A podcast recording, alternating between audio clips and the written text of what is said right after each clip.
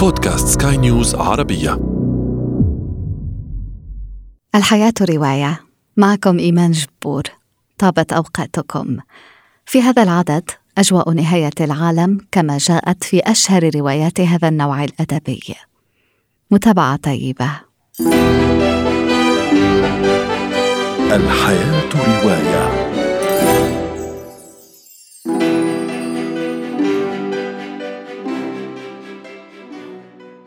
ونحن نحب الحياة إذا ما استطعنا إليها سبيلا محمود درويش لكن ماذا يحدث عندما تندثر الحياة التي عرفناها ويصير العيش معركة شرسة للبقاء روايات من وحي نهاية العالم This is a fact.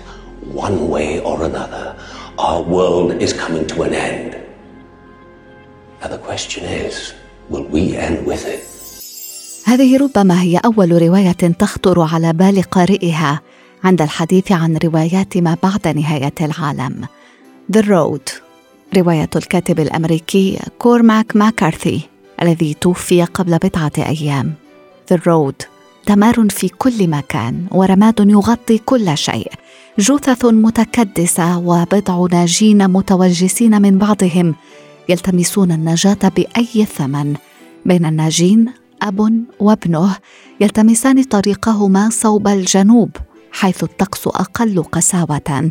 في رحلة طويلة يسير الرجل وابنه على الطريق فنسير معهم. نرى العالم بأعينهما. عالم رمادي حيث لا خضرة ولا طيور. شمس محجوبة بسحاب من الرماد. تعلو الأطلال والجثث المتحللة.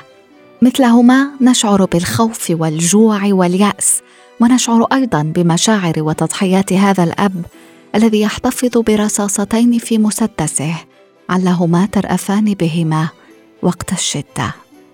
نقرأ في الرواية نادرة كانت الليالي التي كان يرقد فيها في الظلام دون أن يحسد الموتى. بعدما تنسف جائحة إنفلونزا الحضارة الإنسانية في غضون أسابيع فرقة فنانين تتجول بين المجتمعات الصغيرة للناجين لتقديم مسرحيات شكسبير وعزف موسيقى بيتهوفن في محاولة لحفظ الأعمال العظيمة للعالم القديم وبعث نفحات من الأمل والإنسانية في رماد الخراب. Station 11 لإيميلي سانت جون مانديل الرواية صدرت عام 2014 سطورها تحمل قابليه كبيرة للتصديق كأنها تصف جوانب مما عشناه خلال الجائحة الأخيرة. بناؤها السردي يجعلنا نسافر في عالمين عالم ما قبل الجائحة وما بعدها. لعل رواية مانديل هذه هي الأكثر وردية في روايات ما بعد نهاية العالم. نقرأ في الرواية. الجحيم هو غياب أولئك الذين ترغب بشدة بوجودهم بقربك Eva? Why don't I have a signal? Okay, there's no water either. رواية أخرى من أجواء نهاية العالم أو بالأحرى نهاية حضارة الاستهلاك لأن الأمر لا يتعلق هذه المرة بعدوى جائحة أو نيزك مدمر أو غير ذلك من عوامل خارجية يذهب البشر ضحيتها ما يحدث هنا أقرب إلى الواقعية. نفد البنزين والكهرباء ولم تعد لا القطارات ولا الطائرات ولا أي شيء يشتغل بالطاقة يعمل. تنتشر الشائعات ويهرب الناس في مختلف الاتجاهات. نيل وإيفا شقيقتان مراهقتان كانتا في منزل الأسرة في قلب الغابة عندما توقف العالم بشكل ما واختفى أبواهما. ظلتا وحيدتين مصممتين على البقاء. في مواجهة المجهول.